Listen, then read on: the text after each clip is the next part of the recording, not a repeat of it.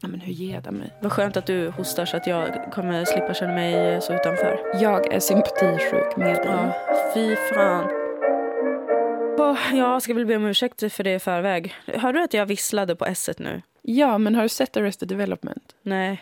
Varför inte? Vi ska se det. Inte. Jag gillar det så mycket. Ja. Men där är det en karaktär som... Ja, jag orkar inte ens berätta. Det är som Sorken i Nalle Puh.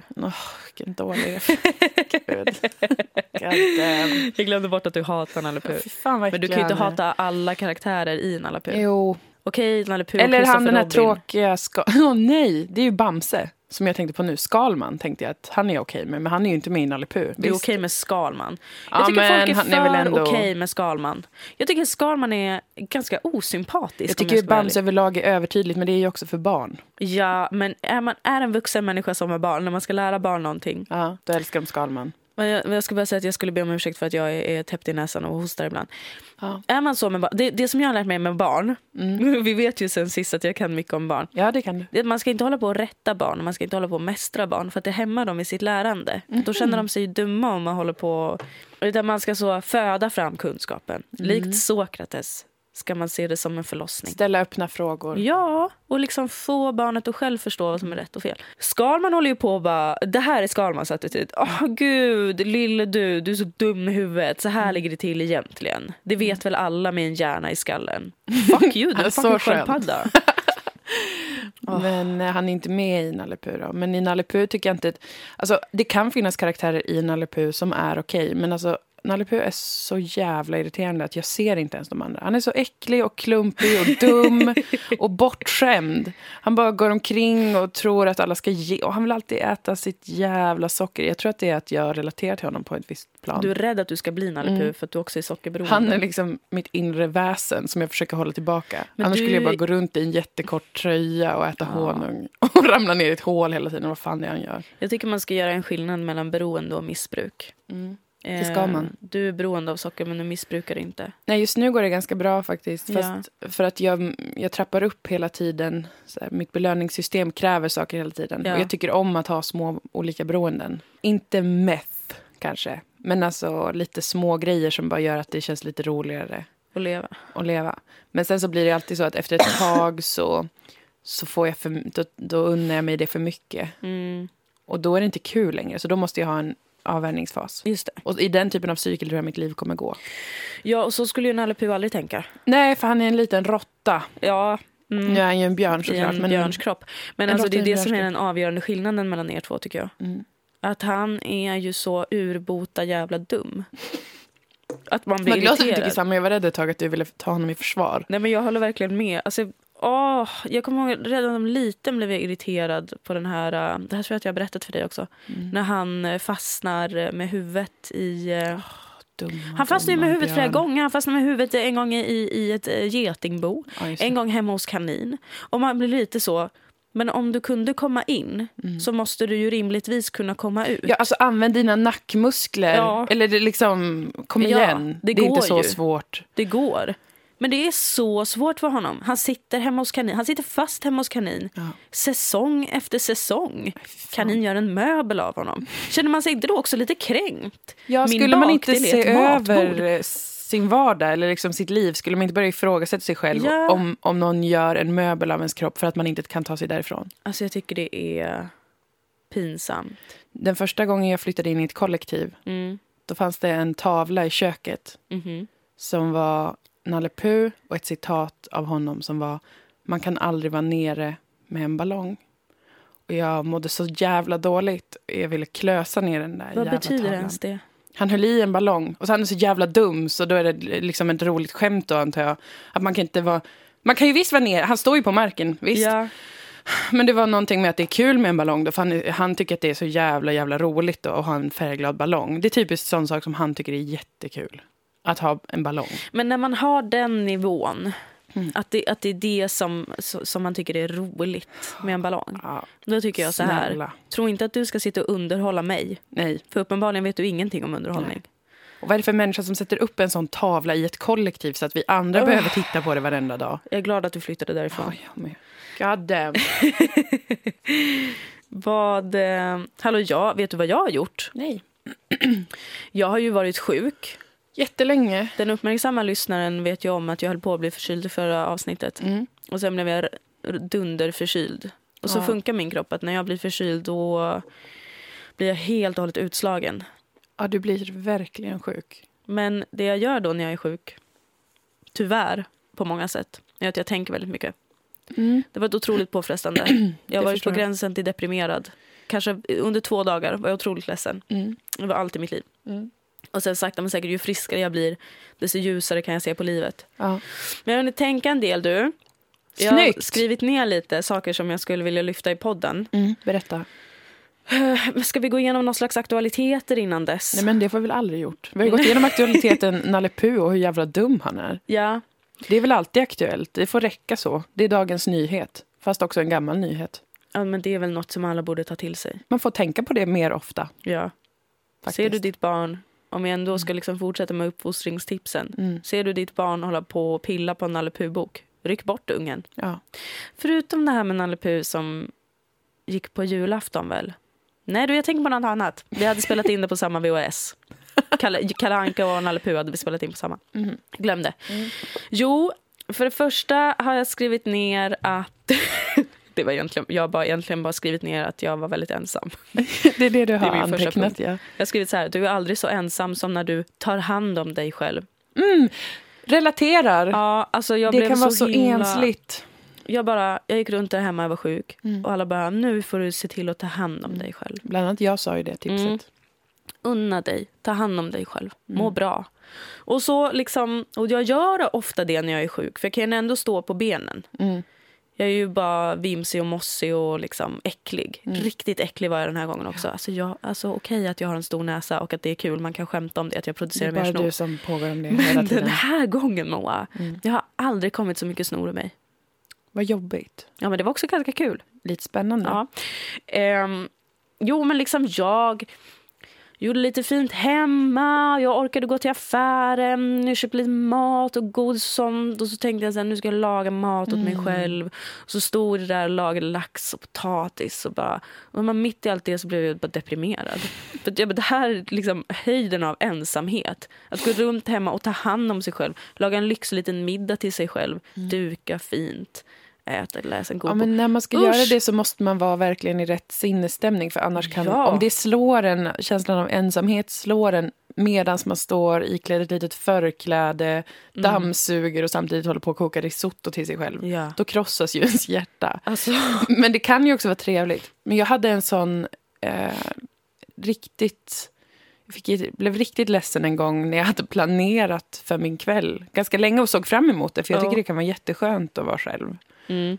Så jag bara, vad ska jag äta då? Jag får äta något jättegott. Och så bestämde jag mig för tacos. Och det här var ju ett stort misstag. jag sa. För att tacos, grejen är ju lite att man plockar ihop allting i ett skal då. Ja. Och äter det eh, vid ett bord. Men min tanke var lite att jag kunde få kolla på en tv-serie medan ligga i sängen. ja. Försökte skapa, liksom, göra ett bord av min torso. För jag hade ju många olika då, eh, små skålar. För jag hade ändå lagt upp allt i skålar, för det gör jag alltid. ja, vad fint. Jag lägger alltid upp allt i skålar. Om någon vill vara med mig så säger jag bara till er, lägg aldrig fram något i sin förpackning. Nej, nej. För det har jag väldigt svårt för. ja. Men i alla fall så låg jag där på min säng och kollade på någon tv-serie med tacos på mig. Ja. Det var inte sexigt. Jag hör att det låter väldigt sexigt ja, det hade kunnat vara väldigt Mm. sexigt. Men det var inte det. Nej. Och då slog det mig också en väldigt stark känsla av eh, att vara otroligt ensam. Total det, ensamhet. Det är en stark upplevelse nästan. Fy fan. Inte så kul. Nej, inte alls så kul. Men det måste ju vara för att man förknippar också den ritualen med att laga mat och äta till exempel med att vara med andra. Ja, men också att man ska ju inte ta hand om sig själv. Man ska bli omhändertagen. Ja, när man är sjuk eller när man inte har något val så är det inte kul. Nej, det är fan inte kul. Plus att det, är liksom, det går ju inte att ändra på heller. För jag vill ju inte att någon ska vara med mig när jag är sådär Nej. sjuk. För man är ju äcklig och ful och dum i huvudet. Man vill ofta vara i fred, ja. Ja, men ändå så går man runt där i sin ensamma. Ja, det var det jag hade tänkt på då. Ja, det är en stark reflektion. Okej, nästa punkt på dagordningen. Mm. Ska jag säga så här? Så här har jag skrivit. Du är inte så monogam, Moa. Punkt. Oj, ett Ja. påhopp. Berätta mer. Jo, det här funderade jag på eftersom att jag är besatt av dig och tänker på dig konstant när jag inte är med dig. ja. Tänker jag så här, vad är Moas känslor egentligen? Bara, Hur lever Moa? Mm. Nej, men det känns Nej, men jag har bara tänkt på det här va. Med att liksom, vi ändå har pratat ganska mycket om att du är, jag lyssnade väl antagligen på podden hemma då. Gud, alltså jag hade så tråkigt hemma att jag verkligen längtade efter att eh, podden skulle komma ut. Att jag blev så irriterad Ja. över att den aldrig kom. Ja. Och bara Du så. skickade sms, hotfulla sms till mig om att den måste komma ut snart. Och inte för att påföra dig någon stress, Nej, nej, nej. utan för att jag är en crazy fangirl Ja, av mig själv. Jag har också fint. tänkt mycket på min narcissism. Vi kan komma till det. Tänk inte på den. Du är inte så monogam Moa, kommer jag fram till Ja, då. det är fortfarande väldigt konstigt påhopp. Men för att du är ju inte, alltså jag menar så här va, jag tycker ju att visst absolut, du är väl kanske sexuellt monogam. Mm. Men du är ju inte alls särskilt monogam i hur dina relationer ser ut och hur du liksom, vad ska man säga, konsumerar kärlek. Mhm, mm. Att du är ändå, för något som har slagit mig med dig är hur högt du ändå värdesätter vänskap Mm. och hur mycket du ändå värnar vänskapsrelationer Mm. och att de ska må bra på något vis. Ja. Det, det var egentligen när jag läste på folkhögskola när vi Ja. skulle lära oss plugga och vi skulle förstå historia. Och då sa våra lärare så här, så här ser en tidsaxel ut, vad fan det heter. Du vet, det börjar någonstans och sen är det, går det längre och längre sådär. Mm. Och så sa han, så här kan vissa förstå verkligheten. Alltså att man skapar en väldigt tydlig och rak linje. Ja. Det finns en början, det finns ett slut. Ja. Men, och då var det ju folkhögskola, så då var det lite flummigt också. så. Då sa han så här, men det finns många som har svårt att uppleva det. Mhm. Och känna att det är så, att någonting börjar, något slutar, något är högre och något är lägre. Då kan det vara bra att lära sig plugga via en mindmap. Okej. Alltså där man skriver någonting i mitten så. Och sen gör man streck ut och man skriver upp alla associationer och allting som man tänker på. Ja. Och det finns inte en jättetydlig hierarki på det sättet att här började det, eller liksom det är inte så här, det här är det viktigaste och det här är mindre viktiga. Nej. Utan det är en mer eh, mjuk form av, eh, jag vet inte hur man ska förklara det. Men det tilltalade mig. Ja. Och då tänkte jag även på att eh, så vill jag också tänka på relationer. Som att alla, alla nära relationer jag har fyller olika funktioner i mitt liv. Ja. Men kan vara lika viktiga. De behöver inte vara liksom, en som är överordnad andra. Det behöver inte ta det viktiga ur det. Ja. Att man inte har en sån hierarki. Och då tänkte jag på det när jag var yngre. Det är väldigt väldigt mycket. Att jag inte vill ha det så att en relation ska vara alltid den viktigaste. Utan Ja. att olika relationer vid olika tillfällen är de viktigaste. Och det gör dem inte mindre viktiga. Nej, men för, och, och det känns som att det inte är så för sakens skull. Utan det känns som att det är därför jag tänkte att du ändå inte är särskilt monogam. För det känns som att det är så för att du behöver alla de Mm. relationerna Mm. samtidigt. För många kan ju vara så. För att du träffade ju någon Ja. snart ett år sedan. Ja. Och ofta när eh, ens polare träffar någon så blir det ju väldigt så att den personen liksom försvinner. Man har ju alla en startsträcka då Mm. man får försvinna i några månader för att det är så himla Precis. härligt och vara kär och allt sånt. Mm.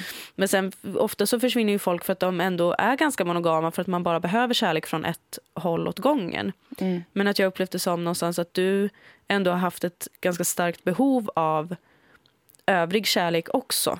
Mm. Att det ena inte har kunnat utesluta det andra. Nej. Och på det sättet så tycker jag att du är lite Polly. Ja, det skulle man nog kunna säga faktiskt. Och jag har ju också en stark idé om att jag absolut inte, hur mycket jag än älskar min partner, så vill jag, in, jag vill fortfarande ha mina vänner med i mitt liv lika Mm. mycket. Och jag skulle jättegärna vilja också leva på något sånt sätt, som jag pågick om i förra avsnittet. Ja, I en också liksom en ytterligare så här- ett argument. Ja, jag vill vara sexuellt monogam, Ja, men sen vill jag ha närhet, alltså fysisk närhet till mina vänner. ja. Inte att man ligger och tar på varandra, men fysisk närhet som att man är i samma område i stan, samma stadsdel eller till och med samma hus. Mm. Det tycker jag eh, är väldigt underskattat. Jag tycker det är så tråkigt att alla bara ska flytta ihop med en partner. Ja. Eller kanske inte ens att man behöver bo i samma, man behöver inte bo kollektivt, man kan, bo, man kan försöka prioritera att bo i samma stad, samma stadsdel och så vidare. Kanske samma hyreshus. Som ja. nu kanske ska bli fallet för Jag mig. hoppas att det blir Mm. fallet. I hope so. Ja. Nej men verkligen. Men det är väl, eh, ja, men eh, det är väl ingen hemlighet heller i och för sig att tvåsamheten ändå är ganska väl etablerad i Mm. världen. Att det Det är är därför det, det blir så. Det är det jag kan tycka också med att ehm, den problematiken, LOL, nej men det man upplever när man blir singel Alltså anledningen till att man tycker det är så otroligt jobbigt att bli singel är ju för att helt plötsligt så måste man återigen på något vis få kärlek från flera olika håll. Mm. Det som är så skönt med en parrelation är ju att så här, okay, men då har jag en person som fyller allt det och sen är man singel och allt är kaos och allt är jättejobbigt. Man förstår inte hur man ska klara det och det är så här, ja men det är ju bara att skaffa sig kärlek från flera olika håll. Mm. Punkt. Om man är en sån person. Man kanske Ja. helt enkelt också bara är Vissa lagd bara så att man ha- orkar med en person åt gången. Mm, precis, vissa pallar inte. Jag tror att jag är lite så. Det Jag tror kommer inte jag. Du har klippa dig så vänner. fort jag träffar någon. Åh nej. Då ryker Oh allt. no! Men jag... Eh, vad fan var det jag tänkte på? Jo, men alltså att innan jag träffade den personen nu som jag är kär i så var jag aldrig i någon relation. Och då var det mycket som att folk sa så här, mm, när du blir kär så kommer du förstå hur det blir då. Alltså att man ständigt undervärderar vänskap. Alltså som en, att det är typ en övning inför en monogam kärleksrelation. Ja. Och det är så otroligt taskigt. ja, det är Och det. då känner, då känner jag också att man behöver aktivt eh, uppvärdera den. Så då, jag har alltid sagt att jag visst har varit kär innan. Jag har inte varit kåt på dem jag varit kär innan. Så det är något nytt. Det är något härligt. Men Ja. det tycker jag är konstigt att säga att jag inte har varit... Jag har ju blivit kär i alla som är mina vänner. På det sättet att jag velat vara med dem hela tiden. Ja. Jag har behövt deras bekräftelse, deras närhet, deras liksom stöd på olika sätt. Ja men det och blir man ju. Man blir ju alltid liksom... Eh, jag, jag ty- tycker att jag varje gång jag får en ny kompis, alltså som verkligen blir liksom en kompis eller en vän. Att man har den perioden när man är så nyförälskad. Mm. Och sen efter den nyförälskelseperioden så ser man lite vart det tar vägen på något vis. Men det är så himla, man tar bort allt värde från vänskapsrelationer när man ser på det på det sättet också. Att det bara är som en slags, ja men det här är bara tidsfördriv innan jag hittar en monogam kärleksrelation. Är så tråkigt, för det finns så himla mycket man kan få ut av bra relationer med bra Ja. människor. Oavsett om man ligger med dem eller inte, Ja. så kan man ju ha så himla roligt. Man kan få lära sig massa saker och man kan få jättemycket hjälp. Ja, och jättemycket kärlek. Och man kan också bli jätte, jättesårad. Alltså Ja. Jag tycker att den synen också förtar lite att man faktiskt kan gå i hjärtesorg över en vän. Ja, och att man precis. kan göra slut med vänner. Usch, det är så fruktansvärt hemskt. Ja, det är ett faktiskt. fruktansvärt uppbrott. När det inte bara rinner ut i sanden utan att man måste göra slut liksom, för Ja. att man inte gör varandra glad längre. Ooh, ja, det är smärtsamt också. Ja. Det är kanske därför folk orkar inte det. Så då vill de bara att vänskapsrelationer ska vara så här, tjenis. Mm. Men jag är glad att du har tänkt på mig och mitt känsloliv och att jag fick berätta att det började med att jag läste historia på folkhögskolan. det kanske låter långsökt. Men det var en, en revelation för mig. Ja. Att hela tiden i skolan så får man lära sig... Alltså det är en väldigt strikt indelning av verkligheten hela tiden. Mm. I alltid att det finns en början och ett slut som sagt. Och att det alltid finns någonting som är överordnat något annat. ja. Väldigt förenklade sätt att se på verkligheten. ja. Som jag alltid tyckte var så irriterande. För att jag kunde inte, jag kunde inte heller lära mig på det sättet. Nej. Jag behöver liksom en feeling för en helhet. Vad fint. Mm, det är ganska vackert om jag får säga det själv. Så jag är stolt Jag är också stolt över dig. på folkhögskola. Jag är Så också nyfiken på folkhögskolan. Ja, du, det var inte kul i övrigt kan jag inte säga. Nähä. Alltså, det var... Jag träffade några bra personer, men det var liksom... Det var ju skola då, återigen. Ja, du har ju såna problem med det. Ja, jag har ju det. Och morgonmöten liksom. Ja. Men det var ju lite käckt på det sättet att det var så lite cool. Mm. Alla var ju dropouts eller tonårsmorsor eller du vet den grejen. Eller någon var 49 och var utbildad frisör men ville bara göra något annat liksom. Mm. Det tyckte jag ändå om, att det var en så himla stor blandning på, på folk, olika Ja. erfarenheter. Alla hade det gemensamt att de inte hade av olika anledningar kunnat göra klart skolan. Ja. Och det tyckte jag var trevligt att få vara ett sånt. Men jag, jag skolkade ju hela tiden. Jag tror att jag hade 65 procents frånvaro Nej, men faktiskt. herregud. Eh, Men jag fick ändå ett betyg, vilket jag tackar folkhögskolan för. Tack folkhögskolan. Tack så jättemycket. Men... Du borde få ett pris för skolkning. Ja, alltså jag, jag har verkligen skolkat så mycket. Så det kan inte vara sant hur mycket jag skolkat. Det där gör mig så himla ledsen ibland när jag tänker på det. Hur många barn som eh, verkligen inte funkar med plugget. Av den anledningen att det är plugget och att alla är så himla olika. Och att vi fortfarande inte riktigt har kommit på någon lösning för det. Nej. Håller på och hetsar om att man ska få sms hem när man skolkar och det ska vara hit och dit. Ja, Om man lämnar alltså- in sitt jävla, sin jävla grej så är det väl lugnt. Vem fan bryr sig? Ja. Låt barn vara i fred. Låt barnen Eller tonåringar i alla fall. Och låt dem heller inte umgås i grupp. Alltså jag kollade på Ja. det här Morgans mission. Mm, mobbinggrejen. Ja, han ska in i någon klass och hjälpa dem. Mm. Och jag såg typ sista avsnittet. Det var ju helt fucked up. För det var så här, Då har de jobbat med mobbning fett länge och sen så är det någon snubbe som de har varit taskiga mot. Han får skitmycket hatkommentarer och allting. Och han älskar musik. Han är fett bra på musik också. Ja. Så ska de ha här föreläsning om mobbning så spelar han flöjt. Mm. Man bara, och alla typ flinar lite. För det gör man, för jag spelade också flöjt och alla vet att det är lite töntigt. Hur mycket man själv än tycker om det så kommer andra barn tycka att det är töntigt. Och då känner jag så här, men låt inte barn umgås i grupp. Det är väl det som är det stora problemet. Alltså barn är as.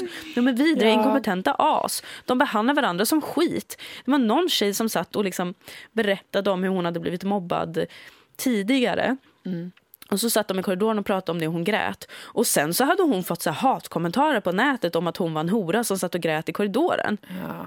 Fuck off jävla barn! Jag tror att det, jag tror, jag, jag håller med dig att barn ska inte umgås i grupp. Framförallt inte i stor grupp. Där är jag Nej. helt liksom så på, på vilka det nu är sida. Att eh, det måste vara mycket mindre klasser och grupper med folk. Ja, men eller Det så ska de, går inte få, inte. de kanske inte ska få börja skolan förrän de är... Alla har ju en otroligt känslig period i eh, puberteten. Ja. När börjar det då? Kanske vid 12, 12 års ålder kanske det allvarliga börjar. Jag skulle säga 13. Okej, men säg 13. Mm. 13 är en bra siffra. Då... Ingen får ut skolan förrän de är 13 år. Fram tills att de är 13 år, du kan lära dig det mest liksom eh, basala. Du vet Mm. läsa, skriva, räkna lite, det du behöver. Och sen Mm. det enda du ska göra är typ eh, kanske lära dig instrument eller liksom hjälpa till hemma, lära dig att diska och allt sånt. Mm. Och sen i den där, när alla är i samma superkänsliga ålder, då får alla börja i skolan tillsammans. Och då kan de umgås i grupp för att alla mår dåligt över sitt. Ja. De där hierarkierna som kunde byggas, Du menar att man tar ett break efter mellanstadiet? det ska inte ens finnas något mellanstadie. Ja, nej, utan man bara är hemma fram tills man är 13. Ja. jag förstår. Jag förstår. Man kan ju Mm. gå lite på förskolan och sånt när man är liten och man Ja. inte kan vara ensam hemma. Men sen så kan man väl vara lite ensam hemma när man är vadå, sju, åtta. Ja, det klarar man. Från åtta kan man vara ensam hemma i Mm. alla fall. Ja, så får de inte börja skolan och lära sig saker och umgås på det där viset i grupp så himla mycket förrän alla är superkänsliga och ingen kommer vilja reta någon. För att man vet heller inte vem som är den naturliga ledaren på något sätt. För sånt där tycker jag byggs upp lite ganska tidigt alltså. Redan när barnen är starka. Mm. Innan alla har komplex.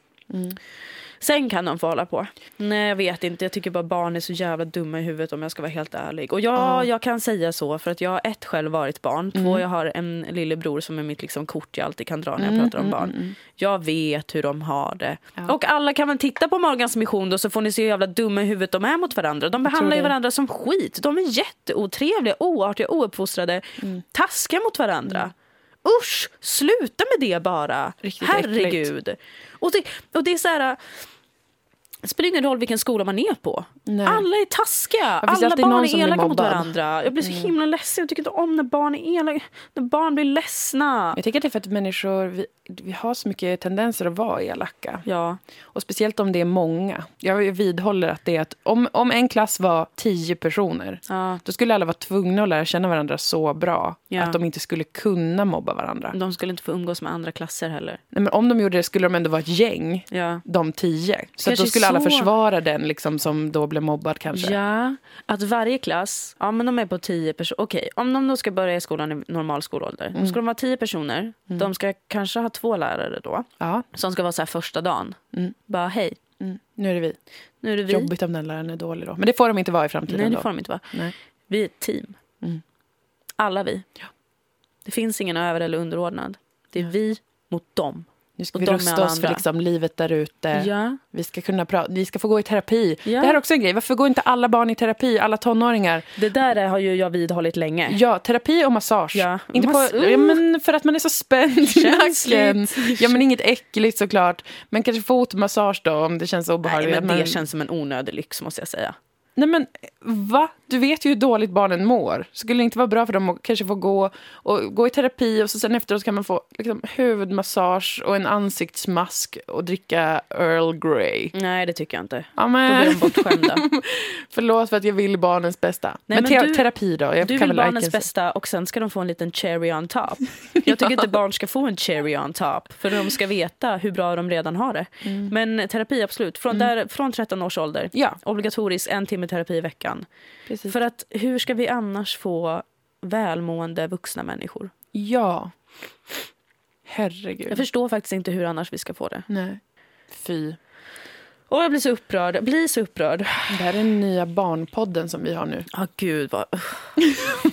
nu har vi hållit på för mycket. Nu går jag vidare till nästa punkt på dagordningen som jag har skrivit upp. Jo, just det! jag skulle vilja återkomma lite till min tro. Ja, Vi tog upp det lite när vi startade den här podden. just det. Att jag har tänkt mycket kring eh, religion och sånt. Mm, Eller det har vi ju båda gjort. Mm. Men jag har väl... Jag känner ett behov av att hitta en religion. just det. För att jag aldrig haft någon. Och jag har romantiserat det lite. Jag tycker att det är fint. Mm. Mm. Och då slog det mig att jag är ju antagligen muslim. Ja, ja. Vilket känns lite tråkigt. Mm. Ehm, för att liksom så, jaha, ska jag också vara det? Ja, det- Hela min det är släkt är det liksom. Ja, precis. Det känns lite så, Det är inte så normbrytande i Rebel much. din släkt. Nej. Men eftersom, här, här är min analys. Ja. Islam betyder ju underkastelse. Mm. Mm, tror jag. Jag sa bara, mm, för Jag eftersom att du nu utger dig för att vara troende muslim så. så. väljer jag ju att lita på ditt ord i det här. Ja, ja, du får inte ta det tolkningsföreträde Nej, nu gud, gumman. glöm det.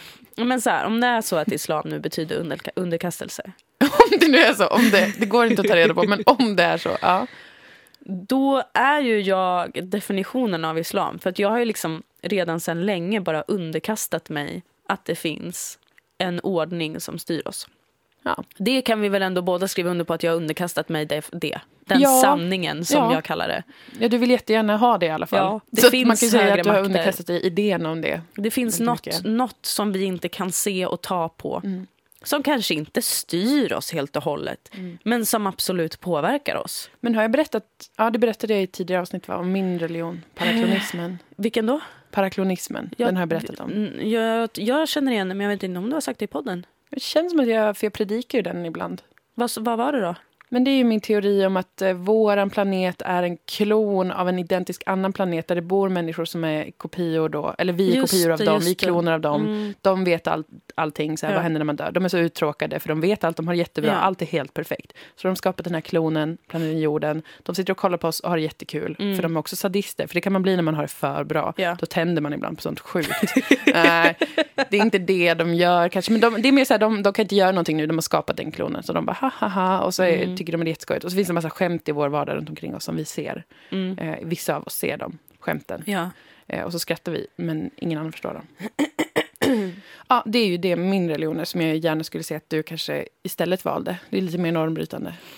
ja. Fast är det verkligen normbrytande? Ja, det är det. För att jag, jag vill minnas att jag då också har påpekat att det påminner om Platons idévärld. Ja, men Det är ingenting. Jag kan väl inte uppfinna hjulet igen. Nej, men du har ju utvecklat absolut. För jag tror inte att Mm. Platon tänkte att de satt på och, och såg ner på oss och, och Platon skrattade. hade ingen humor heller. Han Nej. förstod inget skämt. Visst hade han Jag ingen? tror inte det. Visst kan man tänka sig att han inte Jag hade kan inte det? tänka mig att någon ansedd man genom tiderna har haft humor. Jo, jag tror Sokrates hade det. Mm, men kanske men han var väl lite mindre ansedd än Platon. Ja, det var han ju. Så då var han lite en underdog. Det är alltid underdogs som är de som är lite roliga. Ja, och Det är aldrig de får- som är mest populära som är roliga. De är alltid tråkiga töntar Det är sant. som får massa berömmelse. Plat, Sokrates var svinrolig och fick dricka gift så att Mm. han dog. Han, han hade för kul, sa de andra. Sen kunde Det här är Platon- chansning nu, men det här är också historia. Men vad han hade väl för kul? Det var väl exakt det han hade, Det eller? kan faktiskt mycket väl ha varit det. Hans fru var tydligen också rasande jämt. Mm. Det tänker jag är lite så en manlig beskrivning av historien, att hon Mm. var någon slags hysterika. Men Mm. jag kan också gilla den. Jag kan ändå Vissa gilla är det. ju såna.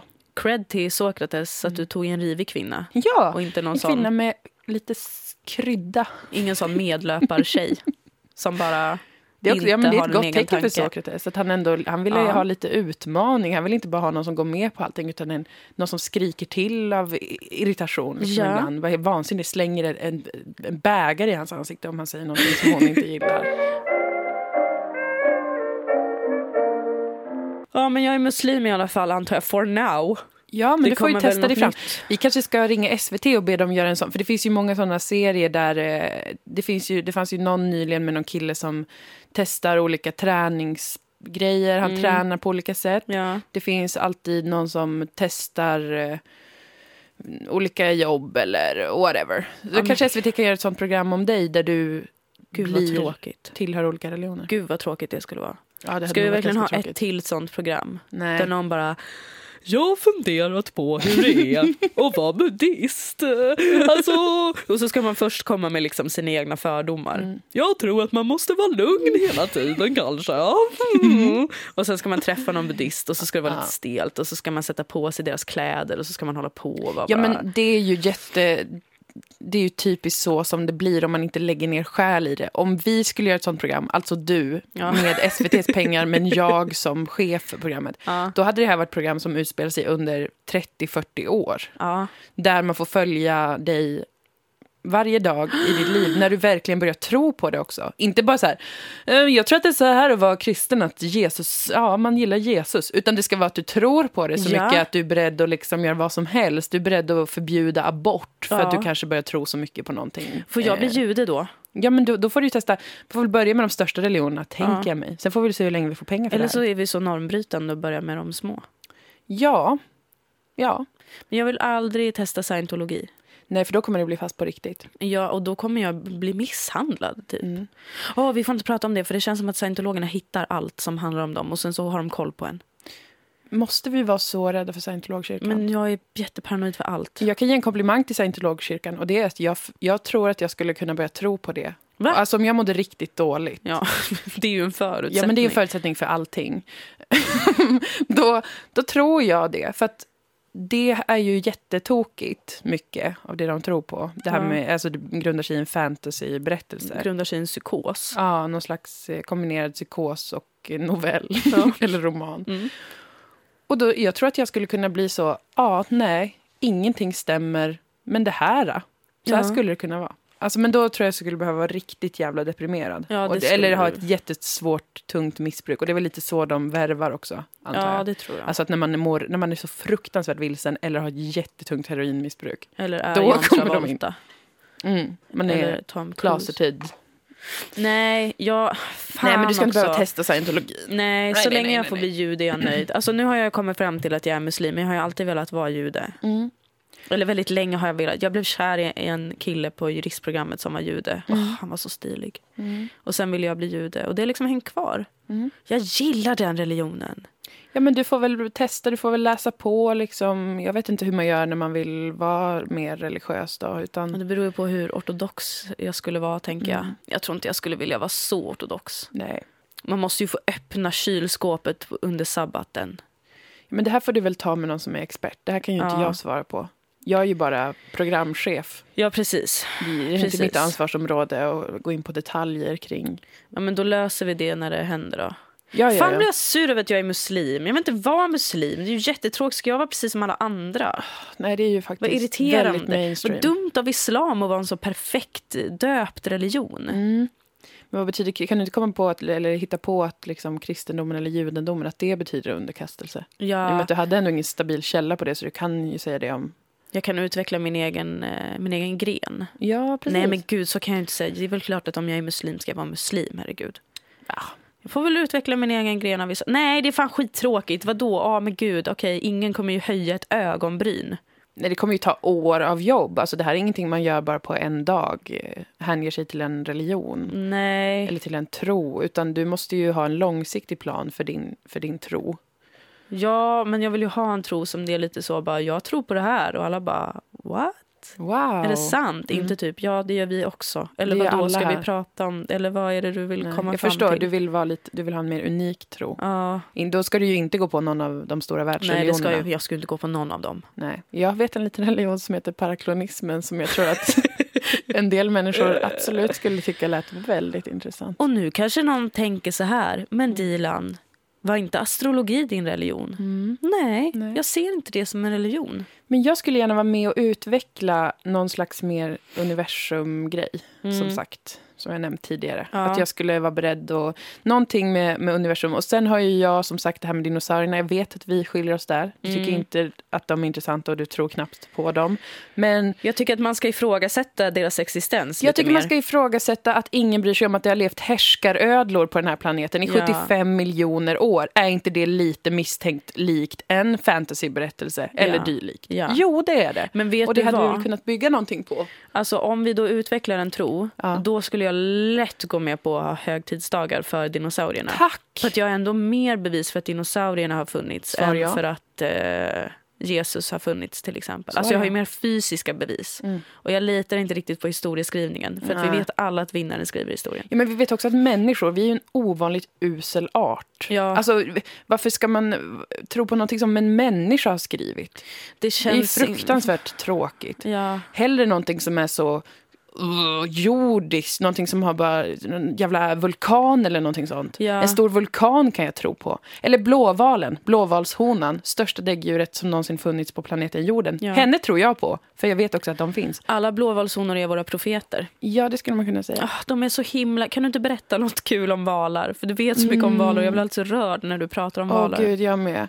Vad var det där med den här, de här att, de, att späckhuggarna tar hand om, eh, om eh, någon liten späckhuggare som hade något funktionshinder? Vad var det Ja, det var Maria berättade för mig om att, ehm, jag tror att det var Maria i alla fall som berättade det, om att det finns en späckhuggare, jag tror att det är utanför Norge eller någonting. De har hittat en späckhuggare som är funktions, har ett funktionshinder. Mm. Den kan inte simma med späckhuggarna så den stannar i någon liten, på en matplats Ja. där de brukar vara och äta. Sen Ja. simma vidare. Den har något fel på en fena så den bara simmar runt där Ja. ensam. Och då varje gång det kommer en ny späckhuggarflock Ja. så tar matriarken i späckhuggarfamiljen, för de lever alltså i ett matriarkat där alla älskar sin mamma och mormor väldigt mycket. Då tar eh, den ledaren och fångar fisk och så simmar den här lilla Stompy under. Så Ja. släpper hon ner det så att de, de, mat, de turas om att mata den så att den ska kunna överleva fastän den inte kan äta själv. Och de tar hand om den tillsammans. Alla delar ett ansvar. ja. Späckhuggare har ju sina egna dialekter i sin egen flock och familj. Alltså, Och ändå så liksom, what's up med det? De, är så, de har också en del av hjärnan som vi människor inte har. De har en del av hjärnan, vi vet inte vad, den, vad det är. Men de har alltså en del av sin hjärna som, oh my god, det är så, liksom, jag får panik för att det är så episkt, magiskt. Då är det nästan späckhuggarna som vi ska ha som Ja, jag börjar nästan tro det faktiskt. gurus. Mm. Gurus i vår tro. Ja, för de är också lite sådär, de har ju ett mörker Ja. i det att de äter ju kött. ja. Det gör ju inte blåvalen. De är så jävla gulliga, för de är planetens största djur. Och vad äter de? Krill. ja. Det, det är ju roligt. Varför gör de det? mätta? Ja, och en, blå, en, en blåvalsbebis. Ja. När den växer så växer den och blir ungefär 90 kilo tyngre per dag. Förstår du hur mycket Eh. krill den äter? Men alltså vet Oh, du, God ja, alltså det är jättefint och sånt men det här gör ju också, det här ökar lite min rädsla för havet. Mm, jag är jätterädd, men jag älskar havet på ett... Mm, det är så läskigt sätt. att det är såna enorma proportioner, att det är så krill och så jag ser framför mig några små räkor men det här är alltså en ton efter ton efter ton av krill som simmar runt i havet som de äter och det tar inte slut. Jag vet, det tar inte Hur slut. kan det inte ta slut? Det kommer ta slut, för vi kommer kommer släppa ut såna jävla plastpåsar så att hela haven blir Ja. översvämmade av plast och skit från den där äckliga... Alltså, Åh, Gud, vi människor borde verkligen alltså. göra planeten en tjänst och begå ett kollektivt självmord och säga tack och godnatt. Men det Ja. var kul så länge det var. Det var inte ens så kul. Men nu Nej. får det vara nog. Det här var vår grej som vi försökte göra. Men det funkade ju inte. Men då skulle ju alltså i vår tro då havet bli heligt. Ja, det skulle Det det. tycker jag också är rimligt att havet blir heligt. För Det det, finns så mycket vi rimligt. inte vet om havet. Och människor är såna usla, usla kassaidioter. Ja. Som bara förstör allting som är bra. Ja. Det vill säga, allt som inte människor är bra. Och det förstör vi. Vi är ju ett virus. Ett riktigt äcklig liten bakteriehärd. Ja, finns ska det äta ål det. ska människor göra. Ja. Det ska människor tydligen göra. Ålen som också är ett, ma- ett magiskt väsen. Vi vet, vi vet ingenting. Hur fan gör de? Vad, vad håller de på? Vad håller ålarna på med? Det här är något som jag är väldigt nervös över. jag vi vet, vet lite för lite om ålar för att delta i, i Åh, din herregud. chock, förvirringsoro. Herregud, Dilan. Va, va? Berätta då. Det är så jävla sjukt. Det är så jävla sjukt, Dilan, med ålen. Det som ålen gör, det är att den både parar sig och dör i Sargassohavet på några hundra meters djup. När larverna kläcks så färdas de med Golfströmmen. De åker med Golfströmmen och kommer till Europas kuster. Och man vet inte hur lång tid den resan tar. Okej. De bara kan spekulera i det, ingen vet. Det kan ta ett år, det kan ta några månader, det kan ta tre år. Ja. Men de, de färdas liksom med Golfströmmen och så sen så då blir de, de går igenom olika stadier av sitt liv. De blir glasålar och så sen så blir de gulålar och de vandrar runt i älvar och i insjöar och tar sig runt.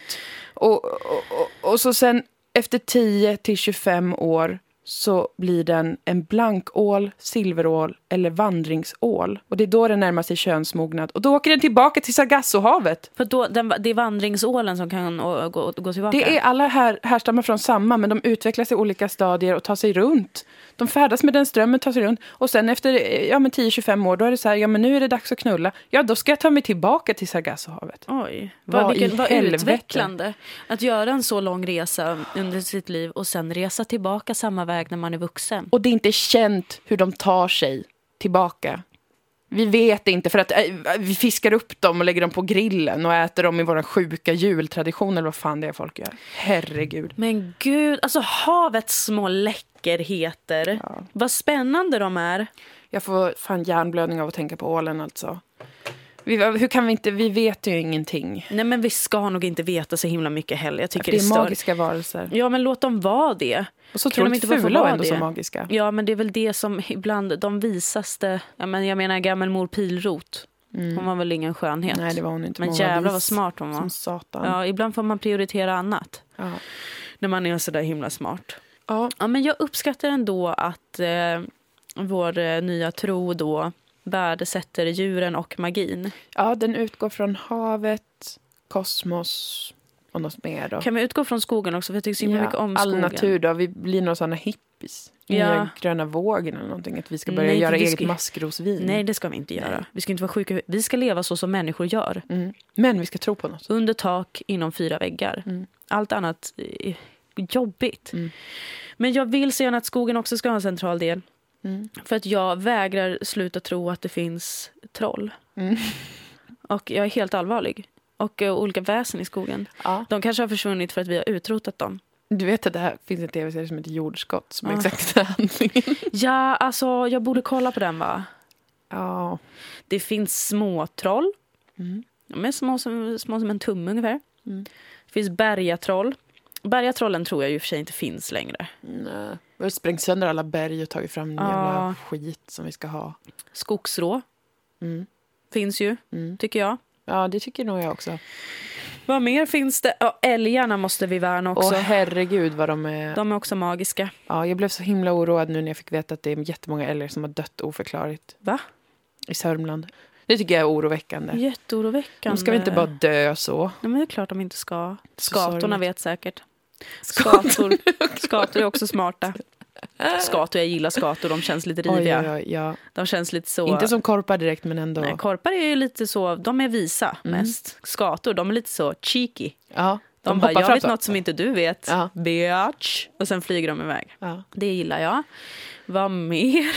Vi vet inte heller hur blåvalarna parar sig.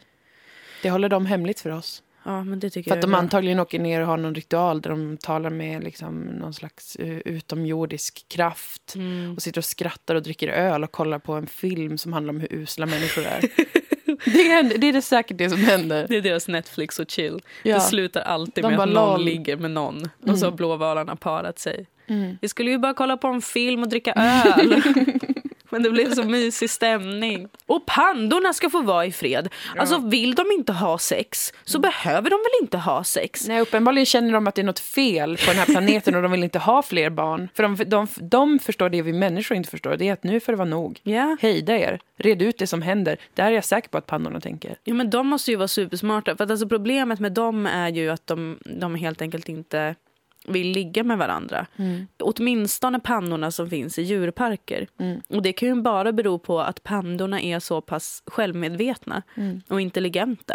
Att de känner, varför ska jag ha sex här framför folk? Ja, det Och kanske är någon asosoft som de har blivit ihopparad med. Ja. Någon som bara sitter och pratar om sig själv hela tiden och liksom inte bryr sig om att sexet ens ska vara bra. Varför ska då en panda säga ja men vi kör? Alltså det Ja. vill ju ingen. Nej du, Det vore jättekonstigt att göra så. de, upprättelsen kommer. I och med vår världs, nya världsreligion. Som När ska vi har gjort revolution, Ja, störtade allt och Ja. infört vår nya naturreligion. jag längtar. Mm. Det är egentligen att bara leva i samklang med naturen samtidigt som man tycker att naturen är lite magisk. Det är allt. ja. Det är religionen.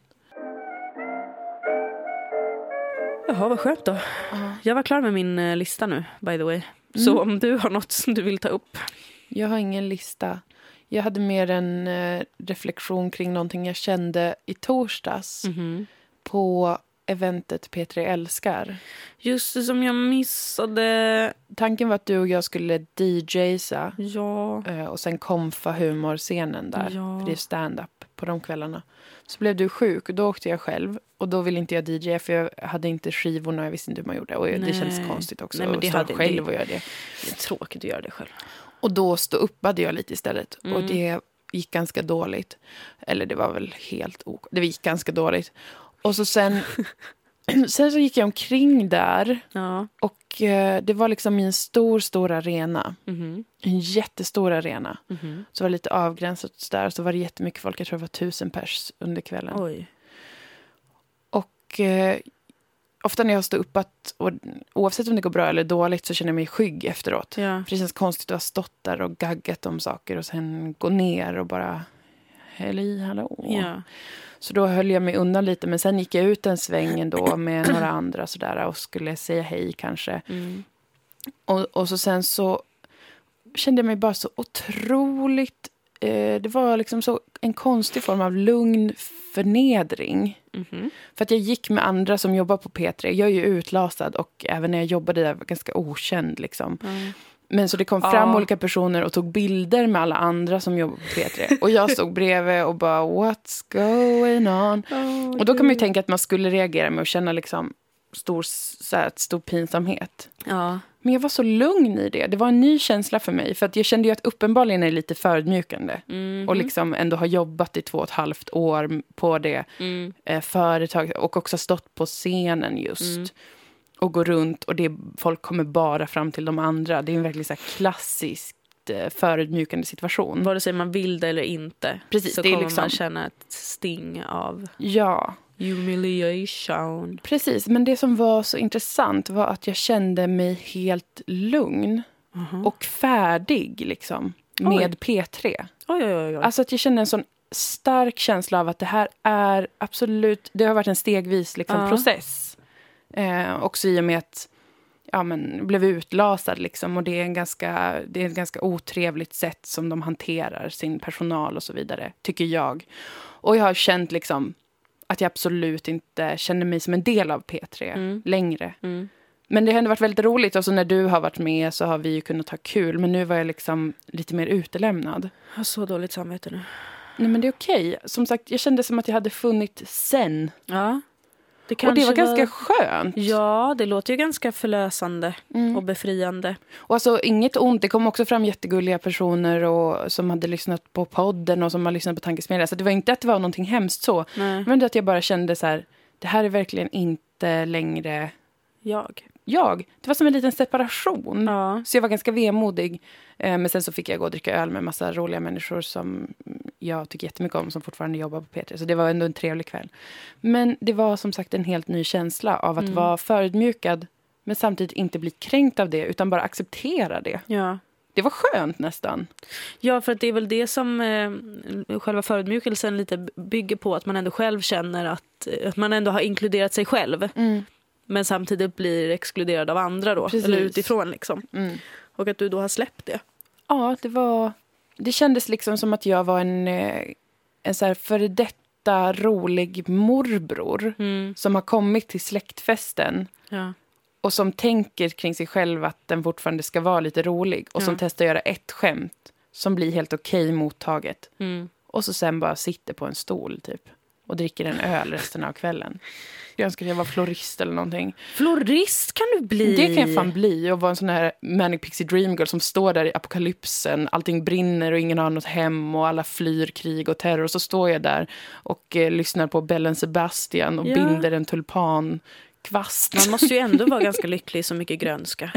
Jag tror det. Och klorofyll och koldioxid och allt som finns. Vet du vad jag också gillar? Slott. Jag kanske skulle kunna börja jobba med att underhålla ett slott. Ja, Alltså att jag putsar, liksom, vad gör man på ett slott? Man håller efter någonting sådär. Du skulle kunna bli heminredare också. Åh gud, jag är så bra på inredning. Just Fast det jag kan- tänkte jag på häromdagen, att du kan bli heminredare. Ja, alltså gud, jag måste sluta tänka på dig så himla mycket. Nej, men det gläder mig. Jag behöver ju uppenbarligen det här stödet Ja. av en eh, personlig coach eftersom att jag har en jobbkris Men bli som har det, pågått i fyra inredare. år. Kan inte alla som lyssnar Fast det känns anställa Moa som inredare? tråkigt också. Ja, Och inreda. okej då. Ja, min dröm, det skulle ju vara ehm, att simma med valar Mm, och ta hand om dem och ge dem allt de behöver. ja, Och kanske skjuta ner folk som försöker skada dem. okej. Alltså tjuvjägare. Ja. Inte de, för man får jaga valar, alltså slakta valar. Det, det får man liksom. Det kommer vi förbjuda. Ja, gud, när vi var vår religion kommer vi förbjuda det. So hard. Åh, Min stora dröm har alltid varit att få en anställning vid Stockholms stadsteater. Just det.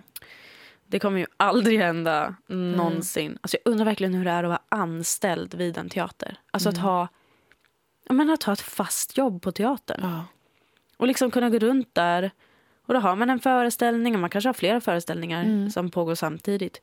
Och sen när de föreställningarna är slut, då kommer man få mer. Det är otroligt.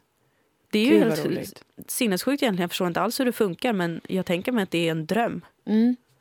Såklart är det också jobbigt, precis som exakt alla jobb är. Alla men jobb är ju det. att tänk det ändå det. ha en anställning vid teatern Ja. som skådespelare. Och det är ju lite inom ändå den värld som du är i nu. Alltså det är ju inte Ja. jättelångt bort. Det är ju inte Nej. som läkare till exempel. Nu på fredag, 6 november. Vi Mm. får se när det här avsnittet kommer ut. då. Det kanske redan har passerat när det här kommer ut. Kanske. Kanske. Men om, om det här kommer ut innan den 6 november, kom då kära ni till Lund. Mm. Blekingska nationen, eller som jag kallar det, belgiska nationen. Mm. Ska jobba för en namnändring.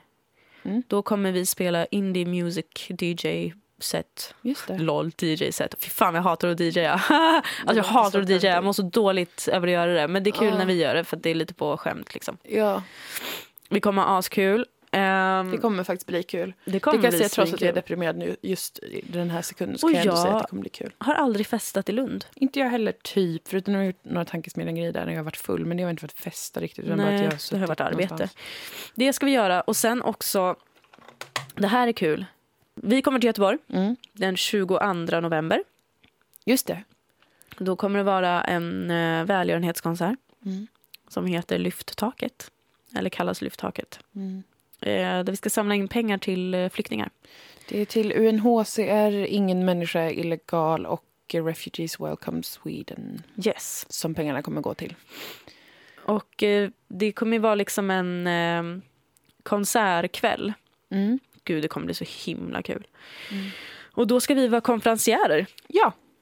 Och det är ju vi vana vid efter att ha presenterat Klerup en gång på P3 Älskar. ja, gud ja, vi har koll på det det. enda man behöver göra är att shotta jägare i en brandtrappa. Jajamän. Det är Fråga- så alla konferencier gör. Ja. Så att eh, kom dit. Det kommer vara på eh, Pustervik. Det kommer vara på Pustervik. Det är ju värsta partystället ju. Jättetrevligt på Pustervik. Där har jag gillar varit det en gång. mycket. Gud, jag gillar fan Göteborg ganska mycket också. Ja, i Göteborg som bara den. Alltså. Inget jag har ju smör också alltså, utan en på riktigt. eh, tag i Göteborg. Jag har klottrat i en park i Göteborg en gång. Coola tjej. Gud, det var så jävla fult klotter. Men jag fick prestationsångest. Mm. Jag ska klottra och så blev det något jätteful. Um, ja, nej, vad ska jag säga mer liksom? Kom Eh, på det. Pustervik, eh, åldersgräns 18 år, söndag den 22 november mellan 18 och 02. Och kom nu även fast det är på en söndag. Ja, Lev snälla lite. människor, lev inte så strikt efter veckodagar. Man snälla får komma Gud. bakis en måndag. Ja, En måndag det i ditt liv kan du väl om? Alltså, komma folk är bakis. för tråkiga om de vägrar gå ut på en söndag, eller måndag, eller tisdag, eller onsdag eller torsdag. Särskilt när vi eh, samlar in pengar till något så himla, himla, himla bra. Ja, Va? precis. Ja, det kommer bli jättekul. Det kommer massa artister och vi och dans och roligheter. Och. Så kom, kom dit, det tror jag blir jättekul faktiskt. Ja. Vad mer då? Vad mer ska vi säga? Ta hand om er. Våga vara ledsna. Våga ja, ha ja, ångest. Ja. Ha ångest, det tar slut. Ångest kan aldrig Åh. pågå för alltid. Det tar slut i perioder, hörni. Det tar... Nu pratar jag specifikt om ångestattacker. Ah, Ja, ja, ta hand, ta hand om er. Men inte för mycket så att ni känner er ensamma och tragiska. Nej, gör inte tacos själva. Skull. själva.